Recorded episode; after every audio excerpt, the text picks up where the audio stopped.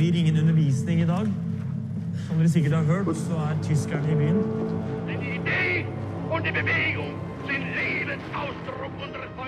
I TV-serien Kampen om tungtvannet, som ble sendt på NRK1 i januar 2015, er gjennomgangsfiguren professor Leif Tronstad.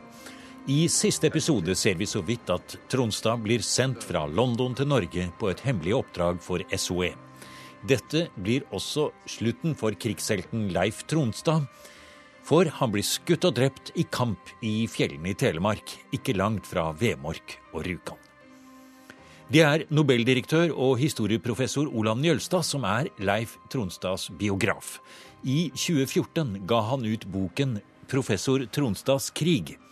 Og i to forskjellige museumsprogrammer har Njølstad tidligere fortalt om hvordan Tronstad ikke bare var den som bygget opp tungtvannsproduksjonen til Norsk Hydro på Rjukan, men også var den som i London, sammen med britene, planla sabotasjeaksjonene mot den samme fabrikken. I dette lille ekstraprogrammet fra museum, som kun er tilgjengelig som podkast, forteller Njølstad om hva som skjedde da Tronstad ble skutt og drept i full aksjon for Milorg. Men først Njølstads kommentar til at det skulle ha vært noen romantisk kontakt mellom Tronstad og kvinner ved SOS hovedkvarter i Storbritannia. Ifølge Njølstad er det ingenting som tyder på det. Nei, nei det er ingen, ingen indikasjoner på at Tronstad hadde noen utenomekteskapelige affære i London. Tvert imot.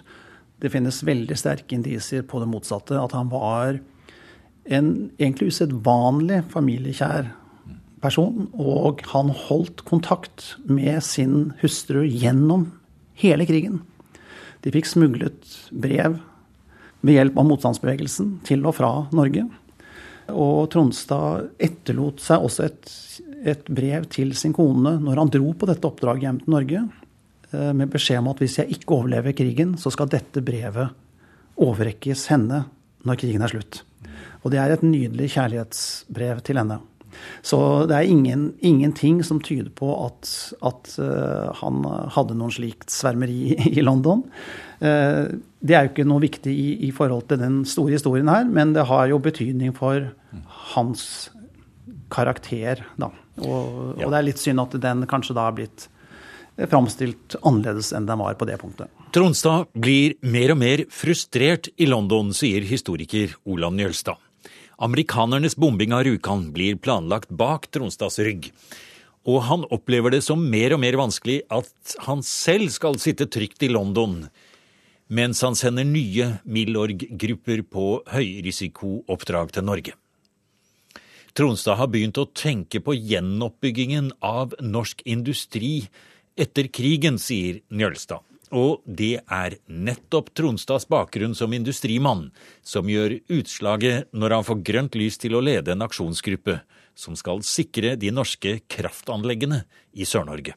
Ja, altså den Operasjon Sunshine som han uh, tok initiativet til og, og utarbeidet, hadde som formål å forhindre at tyskerne i krigens sluttfase iverksatt en slags den brente jords taktikk og ødela norske kraftanlegg, kraftledninger, infrastruktur.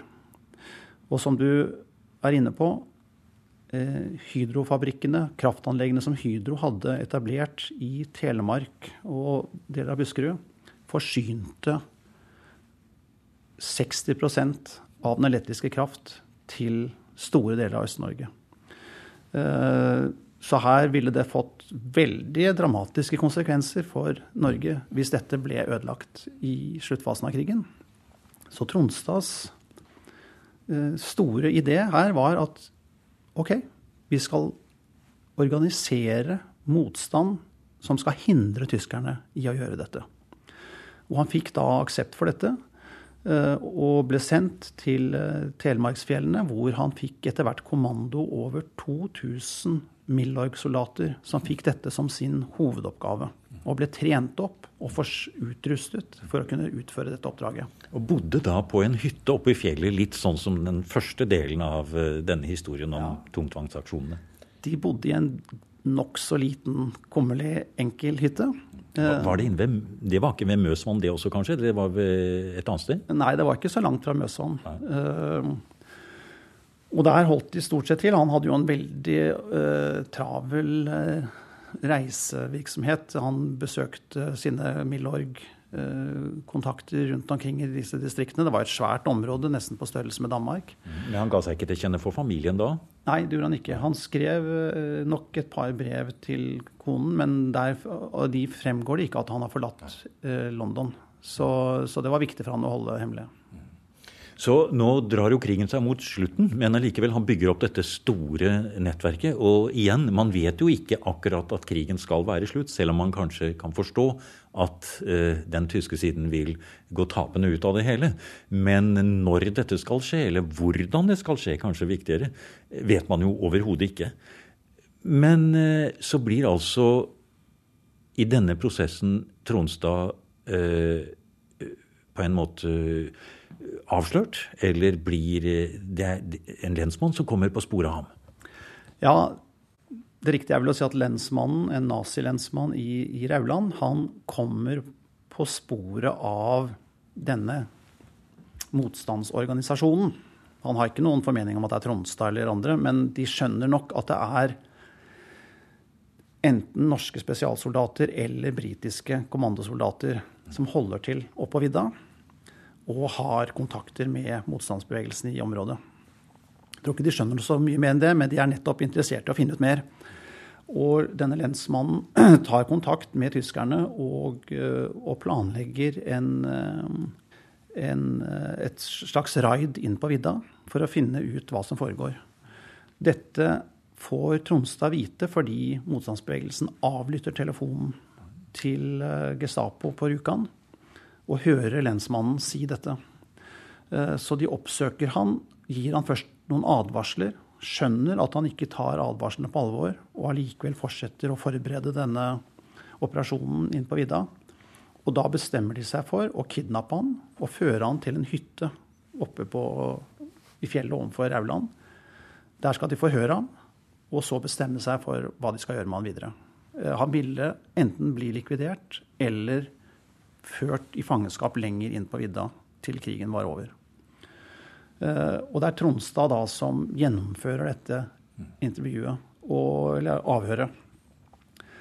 Og han er akkurat i ferd med å forlate hytta, eh, gå tilbake til hovedkvarteret sitt.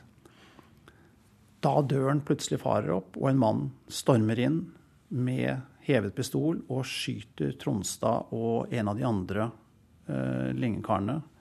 Uh, begge blir jo da drept uh, i de tumultene som oppstår etter dette. Den ene blir skutt og dør momentant. Tronstad angriper denne mannen som stormer inn, og det blir et basketak. Og så blir Tronstad skutt i den kampen. Den 11. mars?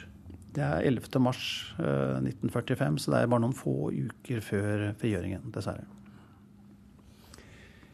Hvis du nå i ettertid, Njølstad, skulle si, si hva som kunne ha skjedd, litt kontrafaktisk historie om denne aksjonen med lensmannen ikke hadde falt ut på den måten, om eh, Tronstads eh, overordnede ikke hadde latt ham reise, så har du nevnt i din bok at eh, en person som så vidt har nevnt her, som, som Tronstad var i kontakt med under krigen, nemlig Finn Lied, som jo ble en svært sentral mann i oppbyggingen av Norge etter annen verdenskrig. Kanskje den mest sentrale av alle når det gjaldt i hvert fall industrioppbyggingen. Han har uttalt seg om Tronstad. Ja, han sa i ettertid at uh, Leif Tronstad var den store etterkrigslederen Norge aldri fikk. Uh, og med det mente han nok at med Tronstads uh, begavelse og hans strategiske blikk handlingsevne, handlingskraft, så ville han etter all sannsynlighet blitt en helt sentral figur i etterkrigstidens Norge hvis han hadde fått leve. Han var jo bare tidlig i 40-årene da han ble drept.